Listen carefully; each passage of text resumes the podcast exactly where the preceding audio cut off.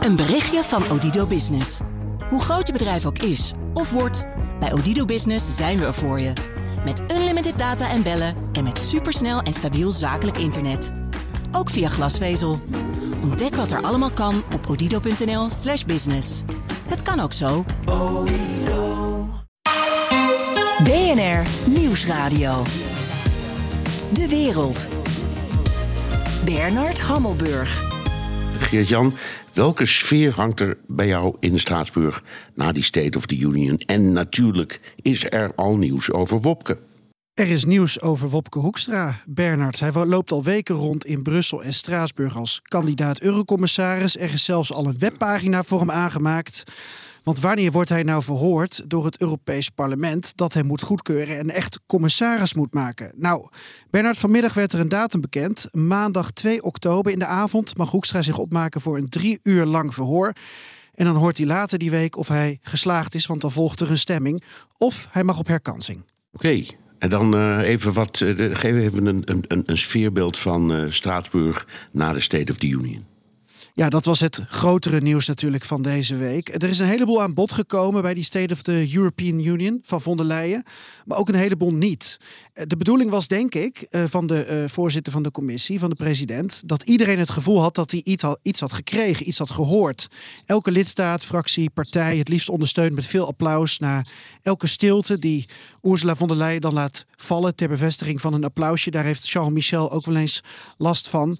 Maar het gevolg was dat veel toehoorders vonden dat onderwerpen te weinig aan bod kwamen. En dat het een soort speech was die volgens sommigen vlees nog vis was. En vooral om anderen te pleasen. Ja, kan je het graag kwalijk nemen? Want ja, dat, zo, zo is zo'n State of the Union altijd een beetje.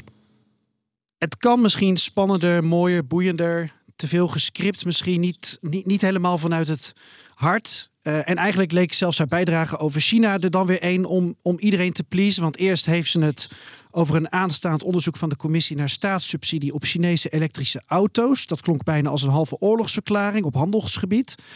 Om vervolgens te zeggen, ja, uh, Europa moet aan de-risking doen, maar niet aan decoupling. Daar valt natuurlijk wel wat voor te zeggen, maar het voelt ook raar om eerst met twee gestrekte benen de Chinese aanvaller keihard onderuit te schoppen om hem vervolgens weer overeind te helpen en zeggen dat het niet helemaal zo bedoeld was.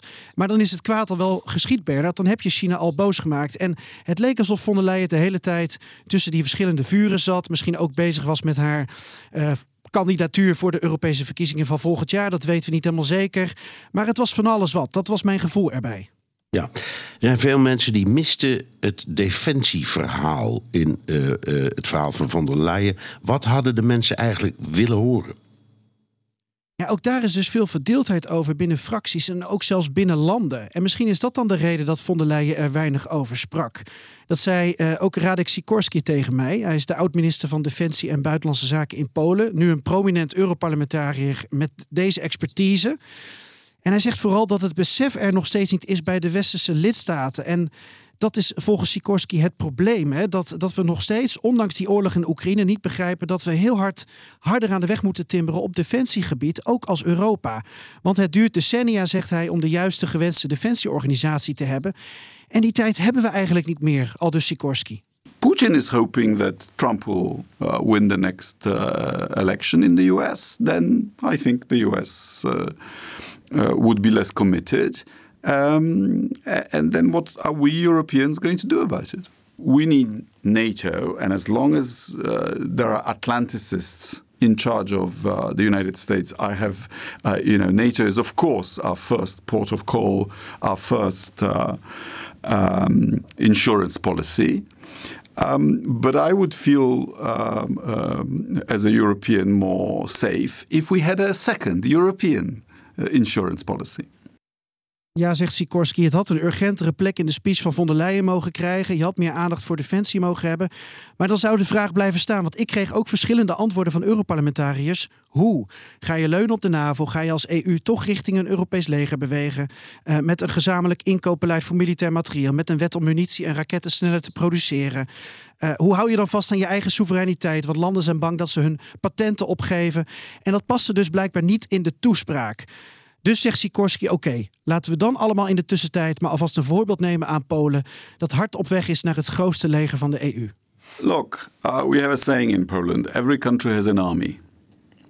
either your own or a foreign one. Your own, in the, in the medium term, comes cheaper.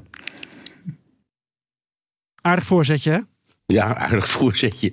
Oké, dat was uh, oud-minister Sikorski in uh, gesprek met onze uh, Europa-verslaggever Geert-Jan Haan vanuit Straatsburg. Dankjewel. Een berichtje van Odido Business. Hoe groot je bedrijf ook is of wordt, bij Odido Business zijn we er voor je. Met unlimited data en bellen en met supersnel en stabiel zakelijk internet. Ook via glasvezel. Ontdek wat er allemaal kan op odido.nl/slash business. Het kan ook zo.